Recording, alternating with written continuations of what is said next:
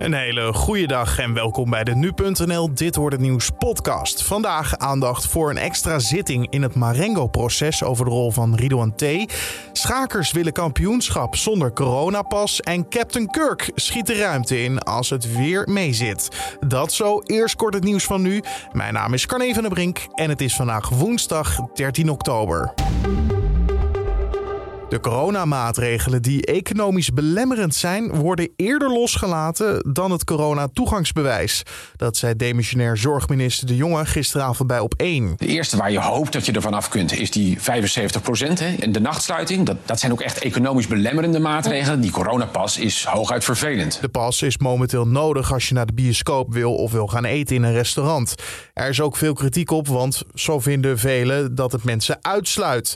De Jonge is het daar niet mee eens. Weet je, het punt is, de mensen die het felst gekant zijn tegen die, die coronatoegangsbewijzen, dat is nou juist de groep om wie we het moeten doen. Eh, we hebben die coronatoegangsbewijzen nou juist om, om te zorgen dat gevaccineerden en ongevaccineerden weer bij elkaar kunnen komen. Begin november gaat het demissionaire kabinet opnieuw kijken of het tijd is voor verdere versoepelingen.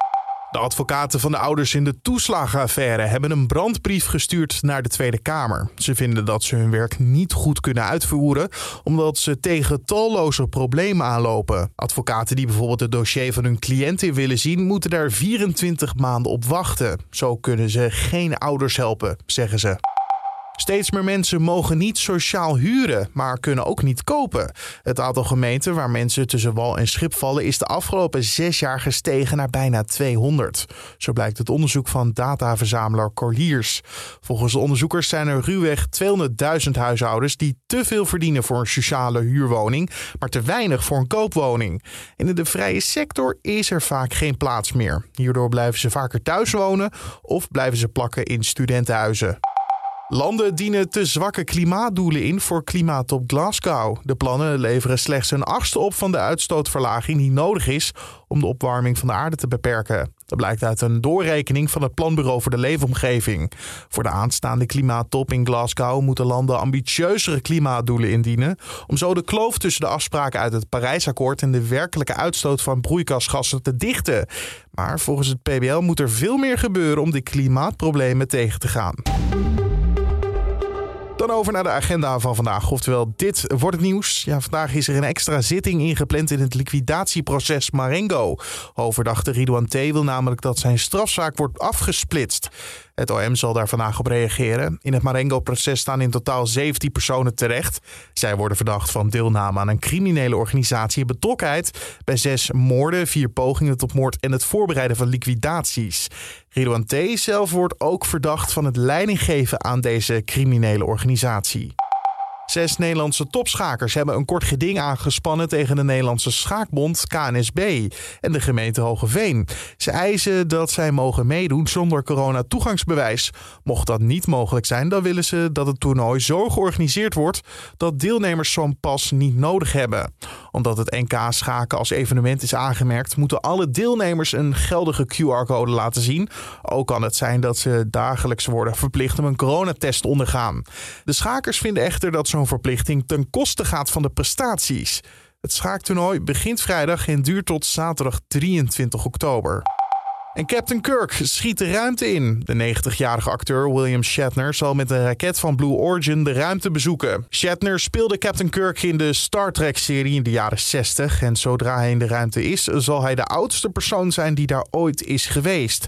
Eigenlijk zou hij gisteren al naar boven worden geschoten. Dat is toen uitgesteld naar vandaag vanwege de weersomstandigheden. En wat het aardse weer is van vandaag, dat vragen we aan Raymond Klaassen van Weerplaza. Het is wisselend bewolkt in het land. Lokaal komen ook wel wat opklaringen voor. En vooral in het oosten en zuidoosten is het fris in de vroege ochtend. De temperatuur ligt dan rond de 5 graden. In de loop van de dag loopt de temperatuur op en smiddags wordt het 13 of 14 graden. En dat alles bij een matige wind uit het westen of noordwesten. Het weerbeeld is een afwisseling van wolkenvelden en zonnige momenten. En heel lokaal kan er nog een buitje vallen. Later in de middag neemt vanuit het noorden de bewolking toe en vooral in het noordoosten van het land kan er dan ook nog wat regen vallen in de avond. In de nacht naar vrijdag blijft het op de meeste plaatsen weer droog. Dankjewel Raymond Klaassen van Weerplaza. En om af te sluiten nog even dit. De Koreaanse serie Squid Game is de best bekeken serie ooit op Netflix. Binnen 17 dagen heeft de serie ruim 111 miljoen kijkers getrokken.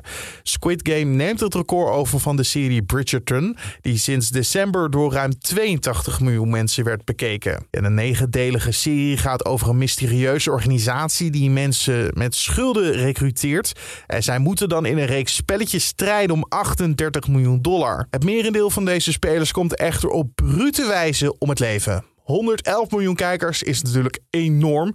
Maar voel je niet uh, bezwaard dat je het nog niet hebt gezien? Ik moet er ook nog aan beginnen. Tot zover deze Dit wordt het nieuws podcast voor deze woensdag. Dankjewel voor het luisteren. Zoals altijd, deel de podcast met bekende of onbekende en laat een recensie achter bij Apple Podcast. Uh, verder kan je ons ook een mailtje sturen met feedback of vragen naar podcast.nu.nl. Mijn naam is Carne van der Brink. Bedankt voor het luisteren en een hele mooie dag.